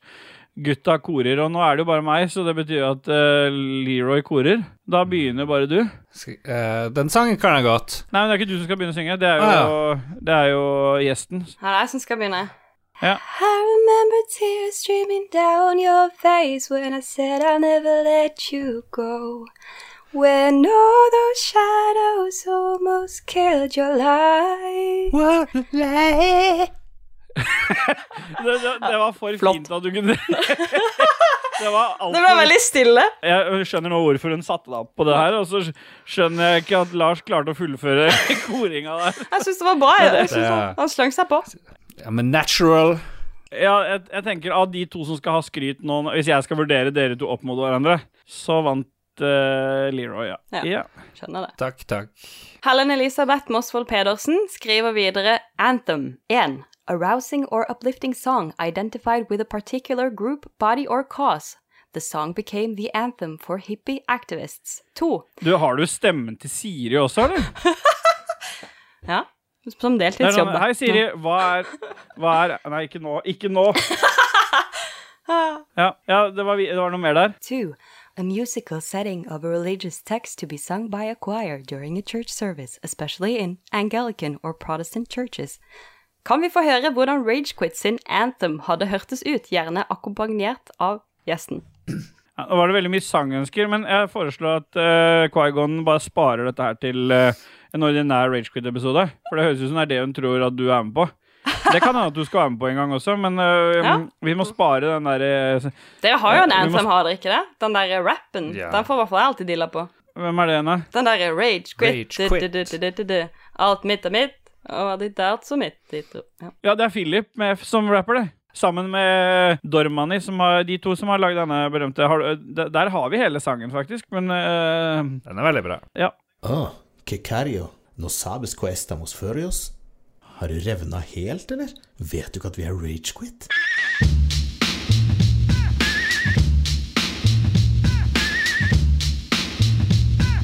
Hvor sjuke er Ragequit på skala fra 1 til 10? Vår skala sprenger det villeste fantasi. Sjekk listens hest. Ja, med pappa og mamma og med Ha! Slapp av, det kan være det samme. Tatt liv av en offentlig tjenestemann. Brutt nakken tvertan, ville kvertan da jeg knertan. Partert en lytter med Det er faktisk ikke menn, det blir det noe i dag. Jeg skal spise hans leverlista går forever. I mitt unge liv er det ikke mye jeg ikke har gjort. Jeg har tatt deg bort flere ganger. Jeg har det med å penetrere orangutanger, og jeg er halvt kvinne, halvt mann, så jeg kan ha sex med begge kjønn om jeg vil. Noen kaller det bifil, jeg kaller det fristil, fri sex. I senga er jeg som en T-rex, aka Keiko. Rett og slett psycho. Rage quick. du vet vi revner verden drikk. Vi kryper frem fra under senga og opp i rasshølet ditt. Alt mitt er mitt, Og alt ditt er også mitt. Ditt rumpehull er slitt, dette hefter rumpevits. Rage quick. du vet vi revner deg din drikk. Vi kryper frem fra under senga opp i rasshølet ditt. Alt mitt er mitt, og alt ditt er også mitt. Vårt rumpehull er slitt, dette hefter rumpevits. Igjen Helen. Hellen? Hellen. Helen. Ja. Helen. Altså sånn som du ville sagt Eller Ellen med H foran. Ellen. Helen. Ja. Helen. Elisabeth Mosvold Pedersen, hvem av oss er best til å growle? Og det, det, der har jeg stor tro. Hun hadde ikke spurt helt sånn uten grunn, tror jeg. Jo, men Nei, men det er det som er Ja, jeg syns det, det er skummelt å spørre om det her, Fordi jeg skulle veldig gjerne kunne growle, men jeg, jeg kan virkelig, virkelig ikke growle. Ja, prøv du først, da, så er det Lars, og så kan jeg ta. OK. Ja, ja, ja, jeg si. Klarer du det i en hel konsert, da er jeg imponert. Da, det, Altså du, Leroy. Ja. Man bør kanskje synge nå, kanskje. Synge noen ord. Bløtkake! Nice. Ja, men Det. Er det sånn? Jeg Jeg føler at vi bør å si noe. Eh, Ja. sånn Jeg sa jo masse der. Jeg sa jo jeg sang jo et helt vers i den ene strofa her. Karlsberg! Jeg har hørt at uh, et sånt triks for å prøve å growle er å bjeffe. At du skal tenke at du skal bjeffe. Men jeg vet ikke hva det egentlig sånn ruff, ja. Rage quit, du vet vi revner dritt. Vi kryper frem fra under senga opp i rasshølet ditt. Alt mitt er mitt, og alt ditt er også mitt. Ditt rumpehull er slitt, dette hefter rumpevits. Rage quit, du vet vi revner dritt. Vi kryper frem fra under senga opp i rasshølet ditt. Alt mitt er mitt, og alt ditt er også mitt. Vårt rumpehull er slitt, dette hefter rumperitt. Rage quit. For en spesiell Anthem-episode vi har gående her, folkens. Hans GM han sier Hva bør øvre aldersgrense på bruk av å se Av å av se på TikTok være? Ja, vi får bare unnskylde Hans, han er ikke helt stødig der. Men uh, det han sikter til her, er at han mener at det bør være en øvre aldersgrense, at det er egentlig for kidsa dette bruk av TikTok. Har vi en øvre aldersgrense der, Leroy? Eh, øvre aldersgrense Ja. det, Jeg bør ikke være der, så 45 år. eh, Kjempefint. Da er det fasit. 45 år, øvre aldersgrense på TikTok. Gresskar, kan du være så snill å slutte å klikke i sendeskjemaet og lese neste spørsmål? Hvem er Kenneth Bekkevar. What? Oi! Der, ja. Ja, Go for it. Få høre, Lars. Kenneth Bekkevar. Anthem nå igjen. Når kommer Fallout 69? Nei, det, jeg vet, det kan vi ikke svare noe på. Vi har jo, har jo hatt litt om Fallout, men det har ikke vært så fullverdig mye som vi har gjort her nå. Så det, det vet jeg ikke. Jeg kan ikke love noe, men det, det kommer sikkert, det også. Ja. Flere som savner koronarestriksjoner, spør Christian Foss, og det er Ja. jo sønnen til Per Christian Foss, er det det? Husker Ja, ikke helt hva stemmer. han het. Ja, de to savner jo koronarestriksjonene. Er det det? Jeg savner det. Jeg Jeg skulle høre det. masse. Ja, Ja, jeg tok meg sjøl i det her om dagen at jeg savner det litt, grann, faktisk. Det blir litt mye, mye møter. Det er jo Ja, sykt deilig å ikke trenge å møte folk. Ja. Skjønner. Så kommer det et langt spørsmål fra Tommelund, og jeg lurer på om han kan få prøve seg igjen neste Ragequit-episode, så jeg gjør sånn. Ja. Og så kommenterer Ragequit spesielle spørsmål om Anthem. Ja, det er det jo, men vi har klart å vinkle det inn til Anthem, føler jeg nå. Det, det med koronarestriksjonene er jo for å kunne gå tilbake til Anthem. Ja. Tommy Lund, eller Tom Jørgen Bastiansen, også kjent fra podkasten Tilbake til fremtiden. Hvilken versjon av Anthem liker dere best? Personlig er jeg mest fan av liveversjonen til Tommy Kørberg. Og det er vel den jeg liker best også, men, øh, men ja. ja. Ja. Enig Hvor kan du synge den eh, Tommy Kørberg-versjonen? Ja, Ja, gjør det, Steelboy. den kommer nå. Ja, nei, jeg vet ikke hva dere syns, jeg, men jeg jeg er ikke så god på den, altså. Syns det var bra. Nei, syns jeg var veldig bra. Ja. Ja. Det er fasit, som dere Alt du bruker å si. synger, er jo bra, Ståle. Ja. Mm. Eh, ja, Tom Jørgen Bastiansen, hvilken nasjonalsang er den beste? Og der føler jeg jo man kan vel i hvert fall sette pris på Marseillaisen til Frankrike, for den handler jo vel mye om sånn hevn og mord, er det ikke den som gjør det? Stemmer, men det er jo selvfølgelig Anthem-sangen. Selve Ja. Anthem-kjenningsmelodien. Det er sant. Det er sant. Ja. Ja. Det er jeg helt enig på det. Og Tommy Lund kommer med siste spørsmål fra Dette var fra Ragequid-feeden. Anthem av gresk antifona er en sangform som opprinnelig ble brukt om en hymne. Og hvilken hymne er egentlig den beste? Det er, Bortsett fra Anthem-hymnen, så er det noe sånn uh, ukrainske greier som er Jeg vil si at uh, Ja. det er jo bare én måte å mm, svare på det her på, det er jo deg være ære. Ja, ok. Ja. Det er en hymne. Ja, altså, det er salme, men det er ikke salme og hymne det samme? Det, er, det heter jo ikke Ja. salms på engelsk. Hymns. Hymns. Ja. Nei, men så Hmm. fint. Liv, leser du opp neste, da? Ja. Leser du opp neste, da, Leroy? Trond Sinfor Borgersen. Anthem, som i spillet som prøvde seg på å være et spill. Og nå lever du farlig, Trond Ja. Sinfor Borgersen. For hvis ikke du nå, på denne tida i podkasten, har skjønt hvor uh, hvordan det her har forandra livene, egentlig, rett og slett, Ja. på alle oss tre, så har du ikke skjønt noe. Da er du død innvendig. Ja. Død for oss. Ja. Trond Sinfor, han, det er jo mannen som eh, gleda seg til Gran Turismo 7 med alle mikrotransaksjonene, så vi vet jo liksom hva han Vi vet jo hvor lite troverdig det er med et sånt innspill som det der. Ja. Og var det mikrotransaksjoner i Anthem? Masse. Kjempefint. Vi duser oss videre til Dajis, eller Dag Thomas Olsen, som skriver Team Sentinels eller Freelancers. Hva vil dere si der, da? Det Ja, jeg skrev jo bare at uh, Telle til tre, da. Ja, Telle til tre. Ja. Én, to, tre. Freelancers. Ja, da ble det uh, Freelancers, da. Ja, Raymond. Eikås Kaspersen skriver 'Let me play you the anthem of my people'. Og så har han en Ja. skummel YouTube-link. Ja. Det ser ut som en sugetrut på den YouTube-linken. En eller annen du ikke vil oppleve det av. Mats Rindal Johansen, eh, ja, han skrev til meg den, Han mener vi kanskje skal snakke om den gangen jeg skulle soloe Dark Echo-raidet med bare grønne våpen og en rakettkaster uten cluster. LOL! Ja. Og ja, han, eh, Mats har vært med meg i tykt og tynt i sikkert 3000 av de timene vi har spilt uh, Anthem. Og den gangen vi skulle soloe Dark Echo-raidet Men det, var det raids i Anthem? Nei, det var ikke raids, men vi kaller det raids. Okay. Det var bare vanlig eh, sånne strikes, eller ja. hva det heter. Ja, men er det, gikk det under det samme? For jeg Ja, de kom jo de med noe greier. Jeg tror de brukte strongholds. Ja, det kom i, på sommeren 2019 kom det med et eller annet. Ja. Eh, seks måneder etter spillet kom, eller noe sånt, men jeg husker ikke hva det heter. Men eh, Ja. har det noe å si, liksom? Nei. Hva vi kaller det? Et kjært barn har mange navn? Jeg syns det er rart at du valgte grønne våpen da, når du visste at det grå du starta med, var bedre. Men var det for å gjøre det vanskelig, da, eller? Mm. Det var for å gjøre det vanskelig, fordi når du har runda Eller jeg, har- jeg har aldri runda spillet, da. Nei, for du runda kom- det, du. Nei, jeg fokuserte mest på å ta bilder, men de grønne våpnene var jo var de beste hvis du skulle ta bilder samtidig. De så Ja. best ut. Ja, de var veldig kule. Ja. Det siste der er, eh, står og ragequit på. Jeg er ganske sikker på at det kanskje er Dudgies eller KK, det vet du ikke. Men uh, Du er ganske sikker opp? på at det er en av de to? Jeg tror det er det. Rene Sherlock Holmes. Holmes! Huldris, ta og les opp den, vær så snill. Hvorfor tror dere folk var irritert på lange lastetider når de ga gode øyeblikk for å gå på do, hente snacks Han mener vel da de ga gode øyeblikk. Det- Ja. Ja. Det kommer an på da, hvis du fortsatt spiller Ja, eller det var så er det jo når, da. Ja, det skjedde mange ganger. ja, men da er det når de gir. Ja, det er sant. Når de, Kanskje flere ga- spill burde vært på denne måten. Er det egentlig positivt med bare korte lastetider og stadig dopamin? Trenger vi spill som Anthem for å få oss ned på jorda igjen? Er det viktig at alle spill gir deg rushet som en bruierdose tilsvarende spillets kostnad i heroin?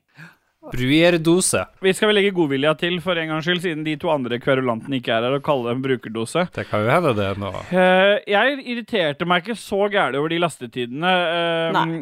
og det er jo Her er kanskje et av de poengene til det at uh, det, det jeg merka veldig med Next Gen nå også, det er jo at du rekker jo ingenting lenger. Før Altså, Vi irriterte oss over lange lastetider, og så nå merker du at nå rekker du liksom aldri å Du rekker liksom ikke å fly på do, du rekker ikke å hente deg noe før du er i gang med et nytt game, da.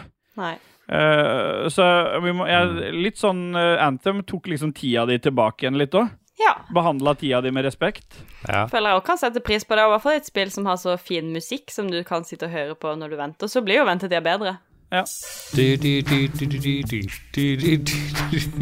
ja, for det, det, er jo Under Pressure ja. som ja. ja.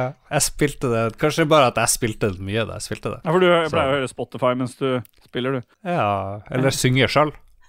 Men ja, vi trenger selvfølgelig spillet som Anthem for å få oss ned på jorda igjen. Og det, og det er jo ironisk at vi kommer ned på jorda igjen når Anthem får oss opp og vekk fra jorda med flyvinga si. Yes. Men det var kanskje en liten sånn eh, Ja, ja, ja. Jeg liker Jeg liker Jeg vil like det, må jeg si. Og så tenker Ja. jeg på sangen til Lo Grimes. Ja. Baby, how can I compare to the adventure out there? Ikke sant? Hun sier det jo alt. Hun sier alt på de tre linjene der, egentlig. Ja, ja. Og med de vise ord så har vi kommet, i, eh, kommet oss til slutten av episoden, eh, folkens. Ja. Ja. Er det noe vi har glemt? Det er det helt sikkert, for det er jo så mye å prate om, men vi kan liksom ikke strekke episoden ut noe særlig lenger nå, føler jeg. Nei. Nei. Beklager at jeg begynte å gråte veldig ofte i denne episoden. Nei, det Uprofesjonelt. Nei, men det Ja, er lov.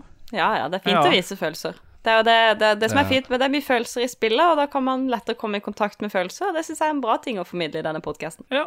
Det er vise, vise ord. Eh, er det noe du har lyst til å promotere mot slutten av episoden, du, Hullersaga? Ja, altså, Altså, er det noe du i livet ditt som vi bør få med oss? Er det en Instagram? Er det en TikTok-kanal du har? Er det noe vi må følge deg på? Nå vil jo mange av lytterne våre ikke kunne se det fordi vi satte en aldersgrense på 45 i stad, men eh, for alle de andre, da. Ja, altså Ikke meg personlig, kanskje, men jeg syns absolutt at dere skal følge Blå Kors aktivitetspark, som heter Bladkors aktivitetspark, på Ja. Instagram og Facebook og Twitch, og vi har en egen Discord, og vi har TikTok og Snapchat. Ja. Du vil ha våre lyttere inn der? Ja. Ja. Men uh, jeg må innrømme at jeg har ikke sagt ifra til jobb at jeg skulle være med i denne podkasten, i og med at jeg jobber i Blå Kors. Nei. Mm. Men, uh, men det, det er bare å Ja, ja, det er bare å inn der, og så kan man komme Altså, Like. du har parkour, skating og gaming på ett sted. Hvor kult er ikke det? Så jeg anbefaler alle Nei. å følge, og anbefaler egentlig alle å besøke. Og hvis noen noen gang vil ha noe parkour, er du, så er det bare du, å ta det kontakt. du, du sa et eller annet ord her nå. Du, hva er det du gjorde for noe? Du kan Altså, det er jo en skatehall, en parkourhall og en gamingavdeling. Ja, Som du anbefaler noen å sjekke opp? Oi, oi, shit. Nå glemte jeg meg. Nei, jeg um, Nei, men det er greit, det. Oi, det var rookie mistake. Herregud. Men, men jeg har skjønt det rett at Blå Kors Blå Kors er en mer sånn eh, konservativ versjon av Røde Kors, på et vis. At du må, bør helst stemme Høyre, eksempel, og Altså like kongefamilien og sånt. Vi eh, akkurat Vi i Blåkors aktivitetspark, eh, da er, det mest fokus på skating, parkour og gaming. Så de, Mm. de fleste av brukerne våre er opptatt av det, eventuelt eh, pizza og rock, så det er ikke så dypt. Så jeg vet ikke. Growling. Okay. Ja. Ja. Hvordan, hvordan standing har Elon Musk, syns Nei. du, i Blåkars? Vi lar oss ofte berike av andre podcaster, og du er jo med i en av de. Du er jo hovedmannen, eh, du og Jon Cato, som nå er i fengsel for eh, nok en uke på rad. Du er jo Ja. hovedmannen bak selve Lolbua Inc.-imperiet. Og det, hva slags podcaster har du der, eh, Leroy? Der har du Ja, du har kanskje flere etter hvert. Skal vi, vi kan ikke nevne hvordan, men det, vi Nei. driver og snakker om å utvide stadig. Men eh, du har eh, kanskje, jeg vet ikke om de eksisterer lenger, Lico og gjeddas univers med Lico og Jedda. Fins det fremdeles? Ja, det fins det. Fins det? Jeg håper det. ja. Har ikke kommet ut på et par måneder, tror jeg. Nei, jo, det er ikke så Det er bare to eller tre uker siden det kom ut en episode. Ja. Ok, Ja. de er i live. Uh, vi har uh, B- Martims magiske univers med gjester. Kommer av og til. Ja, Mer ofte Ragequit ja. kommer av og til. Ja. Og Spillrevyen og Lolbua og ja. Mm. Kjempebra, Leroy. Du, jeg syns du klarte deg bra. Eh, hva, Takk. Hvis, hvis du avslutningsvis, for nå har jo du oppdatert liste på produsentene, og vi har jo masse patrions i Lolbua-konsernet, eh, som vi Mm. gjerne vil takke for at de støtter opp om å lage dette greiene her. Jeg vet ikke om mange av de Ja, ville ja, brukt penger på dette, men eh, jeg tror de som gjør det, de gjorde det for uh, Huldersaga sin prestasjon her, i hvert fall.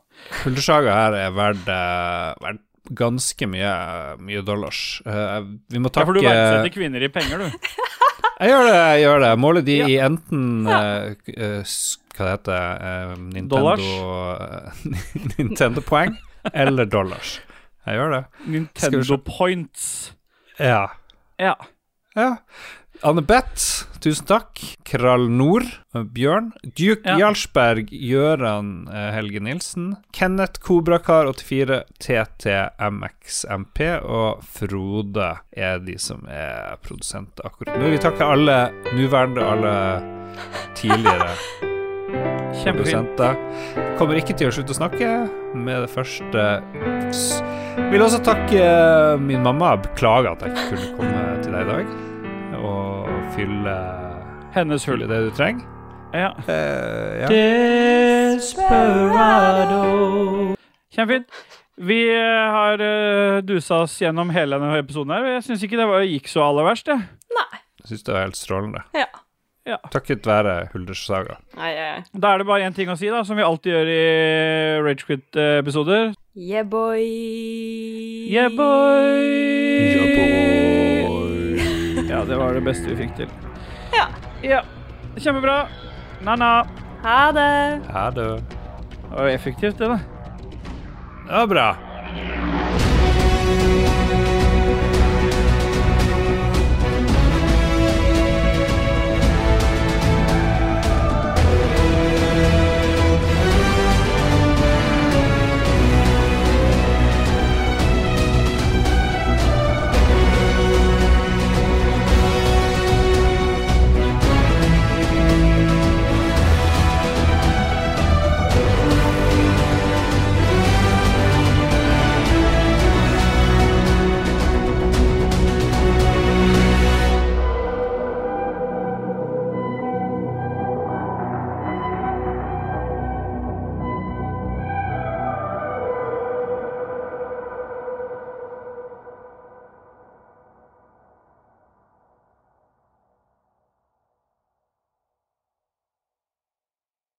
Har du et enkeltpersonforetak eller en liten bedrift? Da er du sikkert lei av å høre meg snakke om hvor enkelt det er med kvitteringer og bilag i fiken, så vi eh, gir oss her, vi.